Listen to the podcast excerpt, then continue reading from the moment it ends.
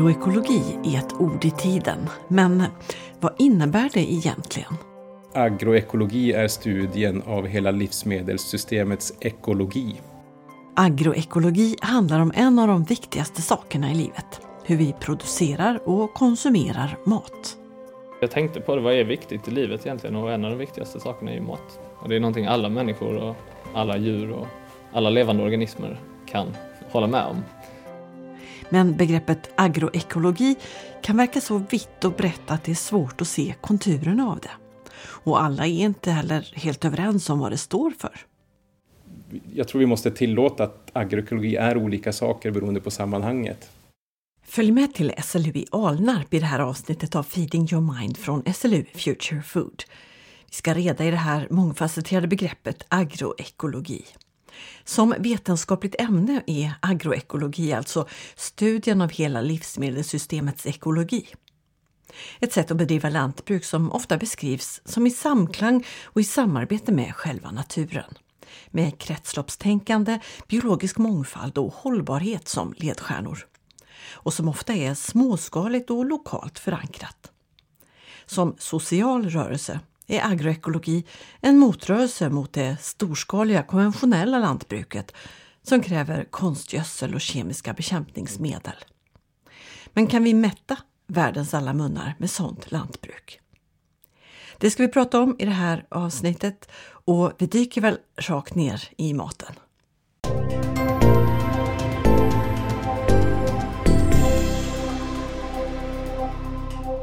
Du har en eh, rosa eh, papperspåse här. Är det dagens lunch? Ja, det är lite mat kvar. Jag har ätit upp det mesta men man ser lite sallad, pasta, lite en bönmix, kidneybönor, kikärtor, lite valnötter, tomat, pesto. Ja. Ja. En vegetarisk måltid? Uh, ja, vegansk till och med, tror jag. Är du vegan? Jag är vegetarian, men jag äter mest veganskt. Men det blir en en pizza då och då. Ost är svårt att, eh, att lämna. Ja. Ja, 25-årige Joar Löfberg från Lund går masterprogrammet Agroecology här på SLU i Alnarp efter en kandidatexamen i ekonomi från Lunds universitet.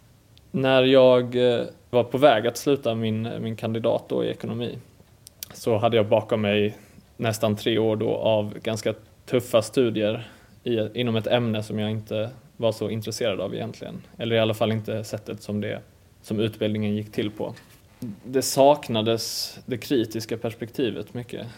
Vilket var extra tydligt när vi lever i en sån tid när vi ifrågasätter stor del av det ekonomiska systemet och, och hela det mänskliga samhället, hur vi lever i, i relation till den större miljön. Du menar själva grunden att man kan mäta allt i ekonomiska termer liksom?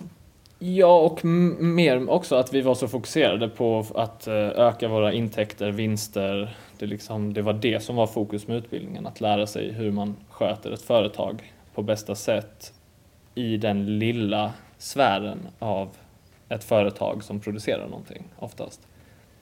Till exempel då när vi pratade om att flytta sin produktion utomlands så pratade vi bara om det som något positivt för att där kunde det finnas eh, lågavlönade arbetare som var positivt effektivt för företaget. Men vi kollar liksom inte på hur har de här arbetarna, vad är deras livssituation, eh, varför är de lågavlönade och så vidare. Och om du då lägger ett agroekologiskt raster över den här ekonomiska tankemodellen, då, ja, då skär det sig lite? Då skär det sig för att agroekologi är väldigt mycket mer holistiskt i hela sitt eh, sätt att analysera till exempel då ett produktionssystem.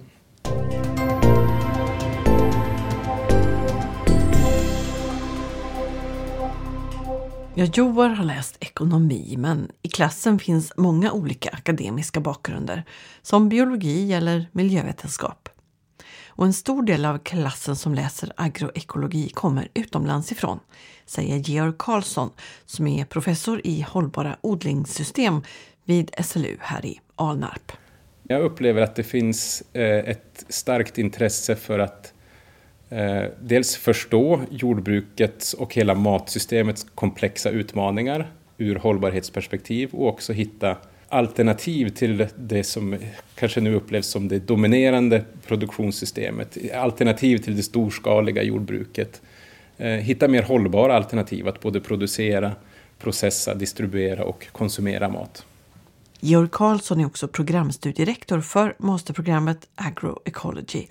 Så mm, om man frågar honom, vad är bästa definitionen av agroekologi? Eh, den korta versionen är att agroekologi är studien av hela livsmedelssystemets ekologi. Eh, och om jag ska utveckla lite grann så kan man säga att det har sin bas i ett helhetsperspektiv på matproduktionen och dess hållbarhet. Det känns som ett begrepp som man hör mer och mer. Det pratas om agroekologi väldigt mycket nu. Känner du att det är så också? Absolut, det har blivit eh, ganska snabbt. De senaste jag vet inte, ett, två åren så har det kommit upp i många olika sammanhang. Inom media, hos olika aktörer som jobbar med matproduktion, inom politiken, eh, ja, inom olika organisationer. Både, ja, framför, framförallt kanske fortfarande internationellt, men, men det dyker upp i fler och fler sammanhang här i Sverige också. Men om agroekologins tid är nu, varför är det så? Eh, oj, bra fråga. Jag skulle nog säga att agroekologins tid har varit väldigt länge, men det kanske har levt lite grann sin, gått sin egen utveckling lite grann som, eh, som dels som gräsrotsrörelse och dels lite grann som, som, en, som ett alternativ både inom, både inom själva eh, matproduktionssystemen och inom akademin, att det har varit lite grann en, en eh, outsider och nu har det blivit mer och mer eh, ja, hur ska jag säga, tack vare både, både politiskt och medialt ökat fokus just på matsystemet och dess hållbarhet och mer och mer fokus på vad vi äter, hur vi ska äta hållbart, hur det som vi äter ska produceras så hållbart som möjligt. Många faktorer som bidrar till att fler och fler funderar på de här svåra frågorna kring matproduktionens hållbarhet. Och, och då tror jag att fler och fler också har plockat upp eh, det som finns i, i form av ja, men vetenskapliga publikationer, det som finns i form av gräsrotsrörelser, politiska rörelser som, som liksom finns under paraplyet agroekologi och man ser att här finns ju redan eh, etablerade principer och, och, produktionsmetoder och här finns beskrivningar av hur man skulle kunna hitta mer, mer hållbara system. Men det är också en social rörelse? Oh ja, och det har det varit under lång tid. Eh, att det, man, det finns en, en, ganska välkänd vetenskaplig publikation som beskriver agroekologi som, som tredelat. Att det dels är en vetenskap, dels är en uppsättning produktionsmetoder, alltså praktiskt hur man odlar och håller djur på ett agroekologiskt sätt. Och den tredje delen är just en social rörelse eh, som jag nog själv uppfattar som ganska mycket drivet både av eh, lantbrukare, producenter som, som, aktivt söker mer hållbara sätt att, att, producera och hitta avsättning för sina produkter. Men lika mycket alltså konsumenter eller, eller i brett perspektiv vem som helst, eh, medborgare som, som vill hitta andra sätt att köpa och, och eh, välja, rätt, eh, välja det som man själv ser som rätt råvaror och livsmedel. Och då har en del i den rörelsen har då blivit det som bland annat finns nu som ja, men, rekoringar eller andra former av community supported agriculture, att konsumenter och producenter närmar sig varandra och försöker hitta sätt att ja, men, vara mycket närmare varandra i sitt gemensamma intresse för hållbar produktion och konsumtion.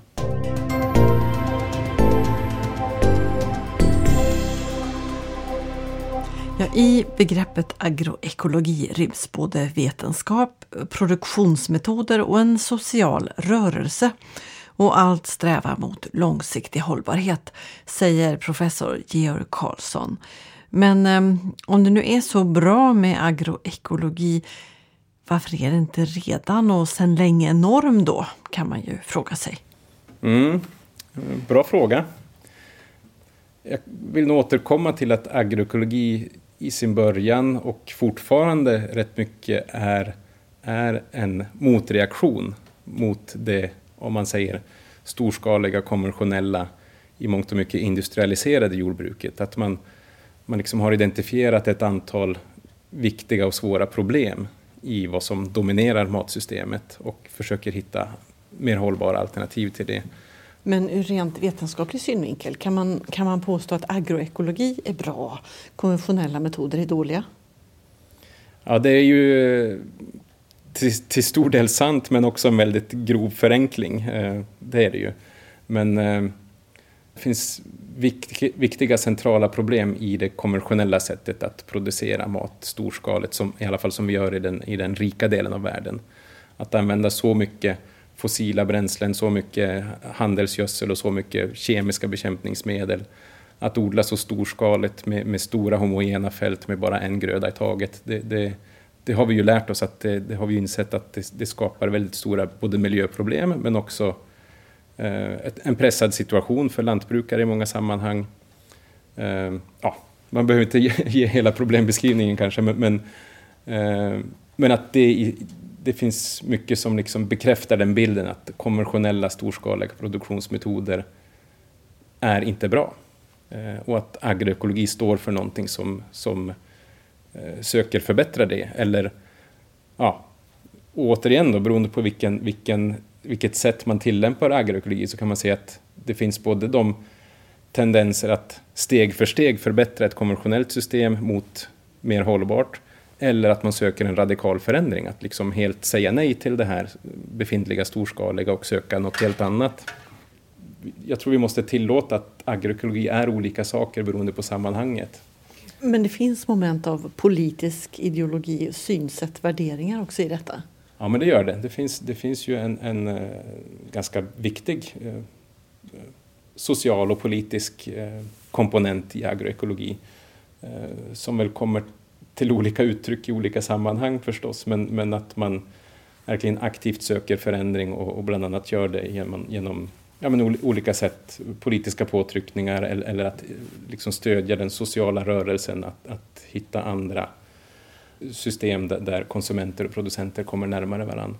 Om agroekologi ska bli så att säga normen framöver, hur mycket är det beroende av politiska beslut?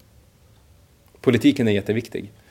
Sen, sen kan man inte helt förlita sig på politik heller, utan det är ett helt paket. Politik, eh, forskning, utbildning, information, media, eh, alltså det allmänna samtalet om, om hela matsystemets hållbarhet och, och ökad medvetenhet om, om vilka alternativ som finns och som kan stödjas på olika sätt, både på individnivå och politiskt.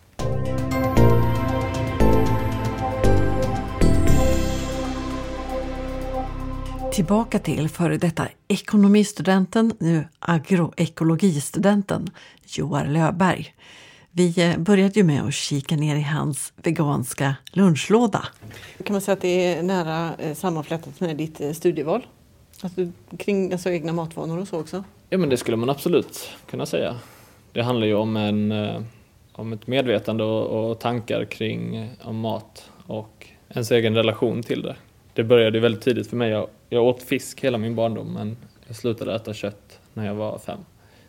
Mest djurfokus hittills och sen nu har det öppnats upp en, en ny värld här med hur vi producerar mat och vem som producerar maten, vilken relation man har till producenten, konsumenten och så vidare. och så vidare. Men för dig då, varför är det meningsfullt att lägga tid, energi och studiemedel på att läsa agroekologi? För att jag känner att det kopplar mig mer till, eh, till jorden, tror jag. Man är inte uppe och flyter på ytan av som det kunde kännas då mer med ekonomin. Och, även om ekonomi också såklart kan vara väldigt djupt på ett sätt. Men för mig, jag tänkte på det, vad är viktigt i livet egentligen? Och en av de viktigaste sakerna är ju mat och matproduktion. Och det är någonting alla människor och alla djur och alla levande organismer kan hålla med om. Ehm, det är så centralt. Och jag blir ganska filosofisk när jag pratar på det här, men på det här sättet eller tänker. Men det, jag tror att om man till exempel vet var maten man äter kommer ifrån och kan se hur den produceras, du kanske till och med känner den som producerar det, då kommer du ha större respekt för det. Och du kommer inte, som vi har ett jättestort problem idag i samhället, att vi slänger så mycket mat. Och vi äter mer och mer snabbmat och vi vill bara ha någonting snabbt, vi vill få i oss energi så att vi kan fortsätta göra det där andra viktiga som vi helst vill hålla på med. Så har det varit mycket för mig i alla fall. Och att men, få den här kontakten med var kommer maten ifrån och maten blir ju en del av mig genom att jag äter den. Jag vet inte, det känns som att det, det blir en mer holistiskt sätt att leva på något sätt. För att man, du har en koppling liksom, till, till någonting som är så viktigt som just mat.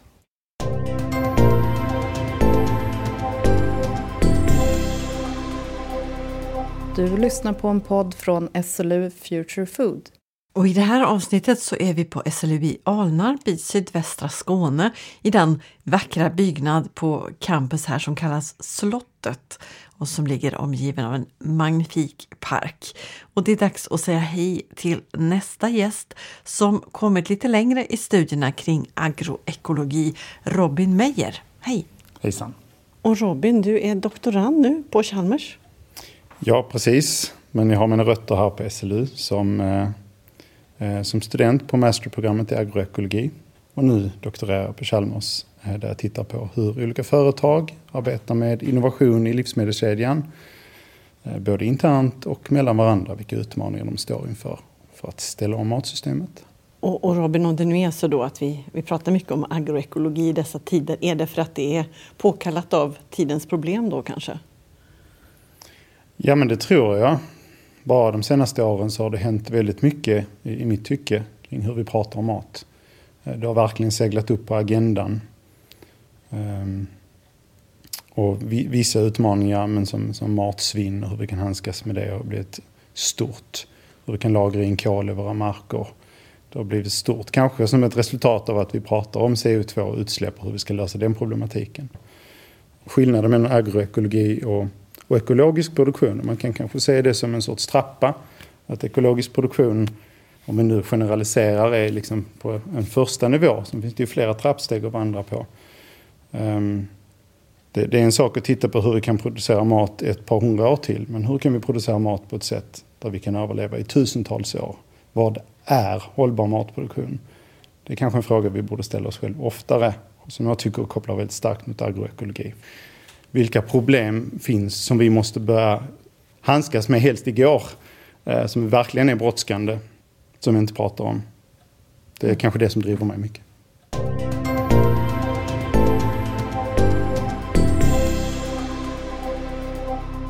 Med i det här samtalet på slottet på SLU i Alnarp med Robin Meyer finns också Kristina Lunner Kolstrup. Hej! Hej! Kristina, vad forskar du kring och vad gör du här? Ja, jag är ju i, i grunden forskare. Och eh, förutom att forska så är jag också prefekt på institutionen för människor och samhälle. Och agroekologi ligger dig varmt om hjärtat? Ja, men det gör det. Eh, för det är ett, eh, ett systemperspektiv som ser till helheten av hur vi egentligen ska kunna bedriva ett hållbart jordbruk och livsmedelsförsörjning i framtiden. En del av det som ingår i agroekologi, agroekologi det är ju det här mer lokalproducerade också. De här långa, långa transporterna med båtar. Vi fiskar räkor i Grönland, skickar dem till Ryssland för att bli pillade och så till Kina för att bli packade och så tillbaka till Europa eller liknande. Det är ju inte hållbart i längden. Men vi konsumenter vill ju också gärna ha bananer och meloner och paprika och så vidare året runt. Kan vi fortsätta ha det då? Ja, det är nämligen det som är en bra fråga. Att vi också kanske behöver utbilda våra konsumenter i att kunna förstå att det är inte hållbart att ha det så. Inga bananer i januari? Kanske ja. Mm. Nej, jag bara bygger vidare på det och det, det, det är lätt som, som konsument att tänka åh, gud, vad händer? Uh, för, för mycket förändringar liksom. Men samtidigt så glömmer man bort att de produktionssystemen vi har idag, de ser ut på ett sätt av en anledning. De, de har formats under lång tid men nu står vi inför nya förändringar. Nu har vi en chans att tänka om. Det finns så många olika växter som vi skulle kunna odla i Sverige. Men vi odlar bara ett fåtal. Så att hela den paletten skulle kunna utökas något fruktansvärt. Tänker du på några speciella? Nej, men jag, jag bara tänker, går man runt här i Alnarpsparken så ser man hur vi odlar, eller odlar och odlar, men vi har valnötsträd av olika, olika sorter. Svart valnöt, grå valnöt. vi har eh, kastanjer, ätbar kastanj. Eh, vi har massa fruktbärande fläder och liknande. Det är växter som du skulle kunna plantera i rader ute längs med våra fält och som skulle kunna säljas lokalt, förädlas till nya produkter och berika den svenska kosten. Eh, det tycker jag är hoppfullt. Ehm, jag tror att man måste utbilda ehm, konsumenter, hela det svenska folket och möjligheterna i detta också. Ehm, att förstå att omställningen kan också vara väldigt, väldigt positiv och ge oss väldigt mycket nytt positivt.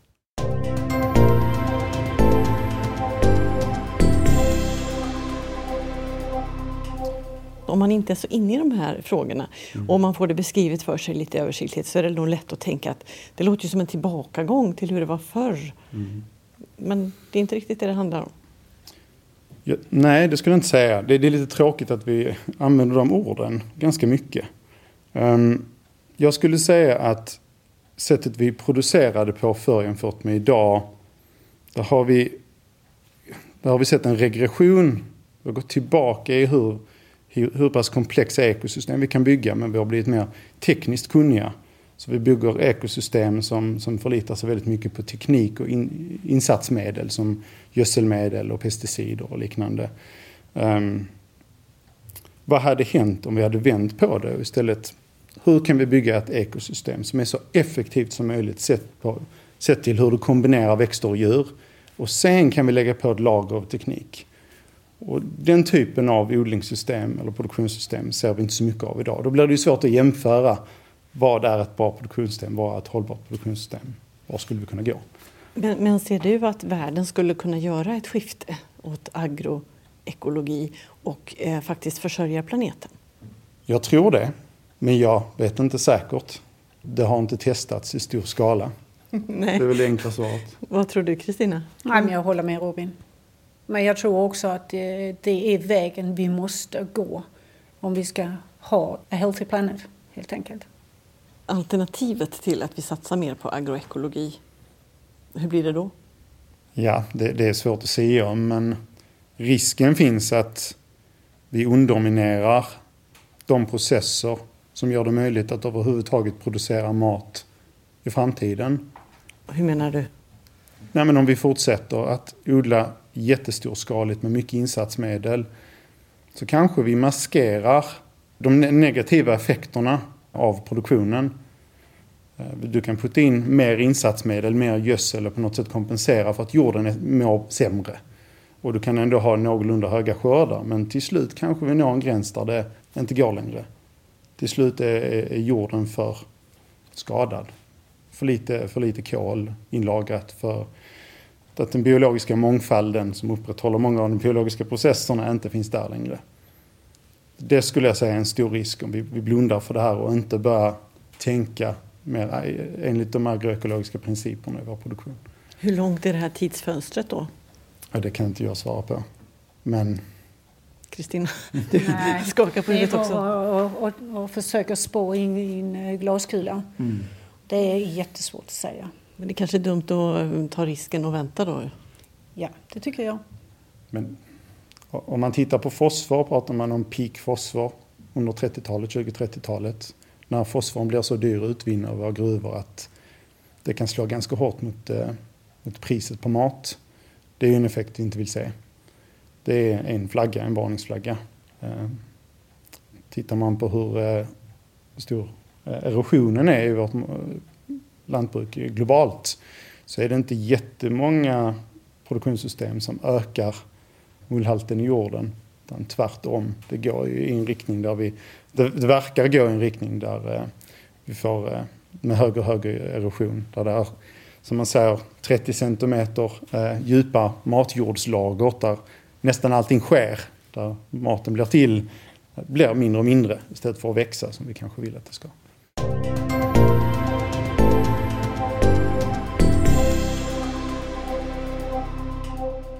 I Feeding Your Mind pratar vi idag med Robin Meyer, doktorand på Chalmers och Kristina Lunner Kolstrup, forskare inom arbetsmiljö i de gröna näringarna på SLU, om vad som ligger i vågskålen i valet att ställa om matproduktionen till agroekologiskt arbets och synsätt, eller inte. Agroekologi är alltså en motreaktion mot storskalig konventionell matproduktion som ofta handlar om monokulturer, långa transporter och stor användning av konstgödsel och bekämpningsmedel. Där vi står här och nu, det hade sin början i ett svenskt SIDA-projekt som vidareutvecklats, berättar Kristina Lönner Korstrup. Ungefär samtidigt startades agroekologiutbildningar på SLU här i Sverige och i Uganda och Etiopien. Och här kan alla lära av varann. Vi kan inte bara se det på det utifrån vår egen synvinkel. Och en av poängerna med att vi var liknande program som startade upp samtidigt i olika länder var att få en ökad förståelse för livsmedelsproduktion och de olika förutsättningarna som faktiskt finns. Och att det går att lära av varandra. Så det var väldigt mycket utbyte mellan lärare från Uganda och Etiopien och SLU där vi besökte varandras länder, studerade de olika förutsättningarna för att på det sättet kunna öka vår egen förståelse för hur kan vi faktiskt producera livsmedel på ett hållbart sätt i många år framöver. Vad jag har sett när jag har varit i bland annat Uganda, där har jag varit ganska många gånger. Vi kan faktiskt lära oss en hel del av deras sätt att ta tillvara på naturen också. Det finns, ja, det finns jättemycket erosion där också och utarmning av jordar. Men det finns också ett synsätt att mer och mer att vi måste ta hand om vår klot, jordklot. För annars kommer inte vi att kunna klara oss. Speciellt inte i de här klimatförändringarna som kommer. Har du något bra konkret exempel där? Ja, på? Vi har, jag har ju sett otroligt många småbrukare var man verkligen integrerar de olika grödorna på samma yta och nyttjar helt enkelt att man har kaffeträd, så har man bönor, man har eh, auberginer som man odlar på samma lilla plätt och kan faktiskt lyckas att, eh, att försörja sin familj. Och så översätter du det till Sverige. Vad har vi då på samma lilla plätt? Ja, men har vi några bra exempel, eh, Robin, på var vi har sett det här? Alltså, vi har ju lite försöksfält och sånt här på Alnarp i alla fall. Mm. Var man har nyttjat att kunna sam, alltså integrerat växtproduktion. Va? Var man har, eh, och det är ju också agroforestry. Som innebär att man har träd tillsammans ja, med... Mm. precis. Och det var faktiskt också ute i uh, den sydvästliga delen av Uganda, var det verkligen finns lantbruksproduktion i djungeln. Där man försörjer sig. Det är riktig agroforestry. Den typen av system finns ju inte riktigt här. Den har funnits innan. Om vi går tillbaka 100 år eller 200 år, då ser det helt annorlunda ut i Sverige. Vi hade mer träd ute på våra fält än vi har idag. Vi åt andra saker. Vi åt kanske mer nötter och liknande. Går man ännu längre tillbaka så var det definitivt på det sättet. En sak som är viktig att nämna här också, det är ett begrepp som vi använder inom agroekologin som heter Land Equivalent Ratio. Bara för att poängtera vad Kristina säger här lite att poängen av att landa växter på det här sättet är att man vill ha ut en högre skörd bland annat. Och det får man i vissa fall om man kombinerar växter och djur på rätt sätt. Så att de kompletterar varandra, det finns synergier. Och då kan man ibland se att jämfört med att odla kaffet för sig till exempel, från bananer eller kakao eller vad man nu vill samodla med, så får man ut en högre skörd om man blandar dem för att de här synergierna finns.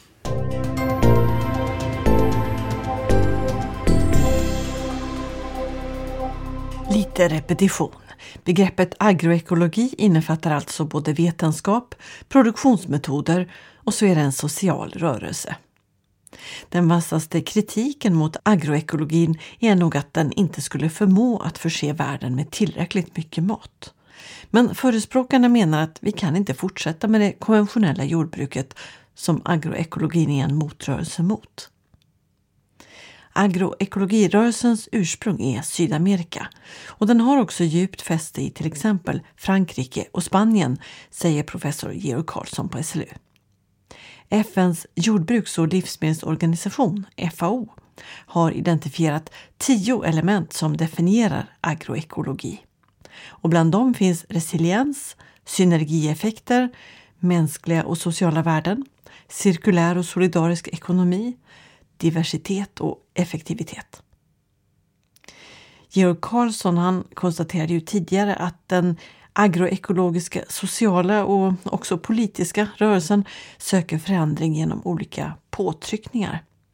Så kan man kanske dra paralleller med gräsrotsrörelser kring klimatet, undrar jag.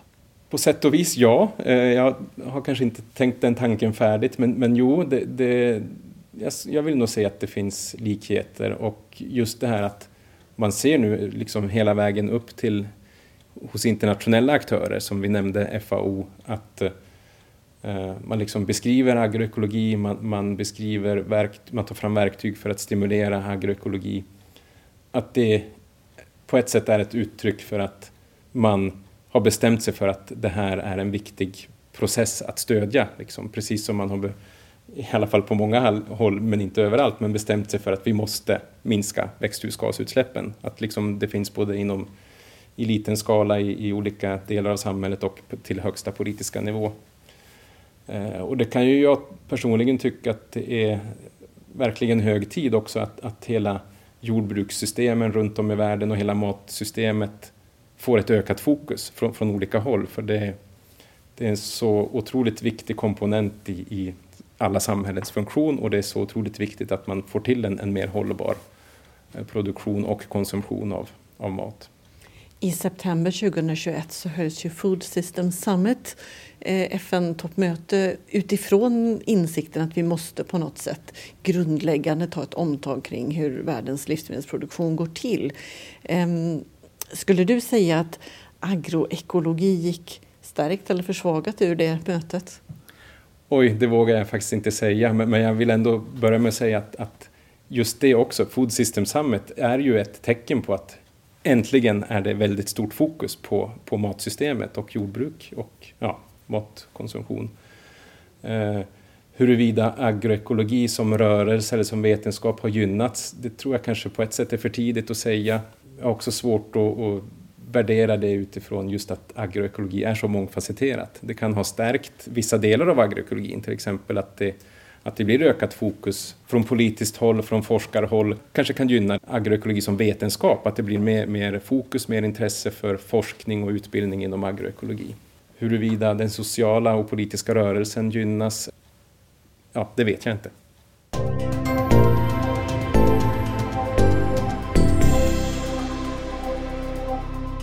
Om agroekologi nu skulle fungera så som förespråkarna hoppas och kunna förse jordens befolkning med tillräckligt mycket mat så återstår ändå ett antal frågor som ännu saknar svar. Och det finns målkonflikter, konstaterar Georg Karlsson. Jag tänker på, på en eh, målkonflikt som kanske är lite, lite svårhanterlig. Och det är just om man pratar om hållbar matkonsumtion så finns det väldigt mycket som pekar på att vi behöver, i alla fall i den rika delen av världen, ganska drastiskt minska mängden animalier som vi äter, eh, kött och, och mjölkprodukter. Medan i agroekologi så är det väldigt centralt att man har både växtproduktion och djurproduktion i ett, i ett helhetssystem. Jag menar inte att det, att det alltid måste vara så. Jag menar att agroekologi också kan vara helt djurfritt, i alla fall i vissa sammanhang. Att, men, men det finns en, ändå en ganska grundläggande värdering och, och strävan efter att men, använda djur för att cirkulera växtnäring inom gårdar eller, eller mellan närliggande gårdar. Så, så där kan jag se en, en, en möjlig målkonflikt. Det finns ju också hela problematiken kring att om vi ska lyckas producera mat utan eller med mycket mindre insatsmedel, utan pesticider och utan handelsgödsel så i alla fall med dagens teknik så får man lägre skördar och, och åkermarken är otroligt värdefull en otroligt värdefull och begränsad resurs så man måste också hitta sätt att kunna minska beroendet av, av till exempel kemikaliska växtskyddsmedel men samtidigt hålla uppe skördarna. Jag menar att det är möjligt men det är inte lätt och det finns, det finns delvis målkonflikter i det. Att använda marken effektivt utan att vara så beroende av eh, handelsgödsel och växtskyddsmedel som vi är idag. Du konstaterar ju själv att agroekologi är ett ämne med många frågor kring sig och en del frågor utan svar. Ja. Vilka frågor tänker du på främst då? Ja, men, I alla fall en fråga som jag inte har svar på. Måste man gå hela vägen till helt kemikaliefri och ekologisk produktion för att kunna kalla det agroekologi? Vissa menar ja. Jag kanske vill, vill mena att agroekologi kan också vara vägen mot ett kemikaliefritt jordbruk. Så att även små steg från ett konventionellt jordbruk genom att få in mer grödor, få in alternativa produktionsmetoder och, och stegvis minska kemikalieberoendet eh, bör också kunna ingå i agroekologi. vad finns det fler för frågor utan svar? Nej men lite det här, var, var, vad är en optimal balans mellan växtproduktion och djurproduktion i ett, i ett hållbart livsmedelssystem? Eh, jag är övertygad om att den rika världen måste minska vår animaliekonsumtion, men var ligger den, den optimala nivån? Eh, det kan man ju analysera med olika ingångar och, och komma fram till olika svar.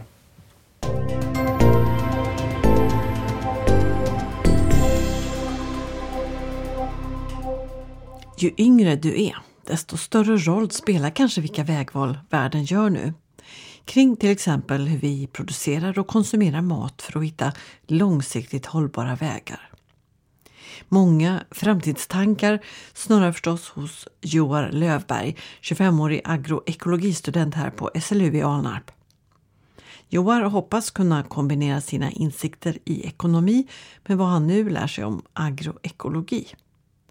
Väl medveten om att kring agroekologi finns idag väldigt mycket förhoppningar. Det är väldigt lätt att gå upp i de här drömmarna utan att vara pragmatisk också och tänka okej, okay, men hur kan vi faktiskt göra det på riktigt så att det blir en realitet av det. Det finns ju absolut krafter som verkar för hållbarhet och sen finns det också krafter som vill åka till Mars och skaffa sig en ny planet och som vill ha tilltro till teknologin mycket starkare. Och sen finns det hela den politiska frågan att, att man ska få röster för att kunna sitta kvar och ha makten. Och det är hela tiden den här tidspressen också tror jag är en del av det. Att vi får de här rapporterna som säger att vi måste minska våra utsläpp så här mycket. Och, och gör vi inte det så vet vi inte riktigt vad som kommer hända. Så det är väl också en del av mörkret då, om man vill uttrycka sig på det sättet. Känner du att du som individ spelar roll i framtiden med dina val och det du väljer att göra? Det är en jättebra fråga. Jag känner att, jag tror min personliga filosofi är att det är det enda du har att tillgå, är vad du gör och hur du lever ditt liv. Å ena sidan så finns det det som många av mina klasskompisar vill göra, vilket är att ha sin egen bondgård och att producera så hållbart som möjligt. Och den andra delen är med det här med policy och systemförändring och hur vi kan skapa förändringar på systemnivå helt enkelt så att vi får till de här projekten eller stora förändringarna som faktiskt gör skillnad.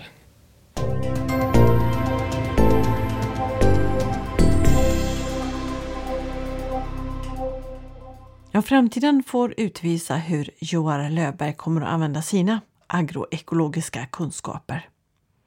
Och apropå framtiden, avslutningsvis tillbaka till doktoranden Robin Meyer från Chalmers och Kristina Lunner Kolstrup, forskare kring arbetsmiljö i de gröna näringarna på SLU. Vad tror ni om vi skulle ses igen om tio år? Vad har hänt inom fältet agroekologi i Sverige och världen? Alltså jag hoppas och jag tror på att eh, den här typen av utbildningsprogram kommer att fortsätta och med ett större antal studenter. Eh, om det så kommer att heta agroekologi eller vad det gör, det är frågan det. Det kan som sagt också bara heta, vara att vi pratar om hållbar och säker livsmedelsproduktion. Mm. Eh, men jag tror definitivt att vi kommer att se en ganska stor ökning av det, vad ska man säga, förändrade mindset som har påbörjats. Jag, jag kanske kan spinna vidare lite på, jag vet inte om det är en spåkula så mycket som det är en önskan, men att om tio år så har vi insett vikten av att diversifiera våra produktionssystem. Att odla nya saker på nya sätt. Att koppla samman djurproduktion med växtproduktion igen. Jag kanske har någon sorts önskan om att hela samhället ska få en bild av vad hållbar matproduktion är. Inte den här svartvita bilden, ekologiskt mot konventionellt, Eh, eller GMO eller inte och så vidare. Ehm, utan förstå komplexiteten i de här systemen. Eh, men också se möjligheterna i den omställningen. Vår matproduktion har aldrig varit så långt ifrån oss som den är idag. Eh, jämfört med när alla var lantbrukare. Långt, långt bak i tiden. Tänk om de landskapen blev tillgängliga för oss igen, om vi konsumenter eller vi som medborgare fick säga till om vad vi ville ha, förstod vad som behövde göras och fick säga till. Tänk om lantbruken, landskapen utanför våra städer, och de matproducerande landskapen, inte bara var stora fält med ungefär samma grödor som vi bara kör förbi på E6. Tänk om det var diversifierade landskap med alléer av höga valnötsträd och olika växter som blommar i olika färger. Nästan som att en konstnär hade målat med vacker pastell. Liksom. Tänk om det var inbjudande landskap som vi kände oss en del av eh, kontra idag. Det är en önskan jag har. Mm, Feeding your mind slutar i ett tänk om denna gång när vi pratat om agroekologi med Robin Meyer, Kristina Lunde Kolstrup, Georg Karlsson och Joar Lövberg. Tack för att du lyssnade. Jag heter Ylva Karlqvist Fornborg.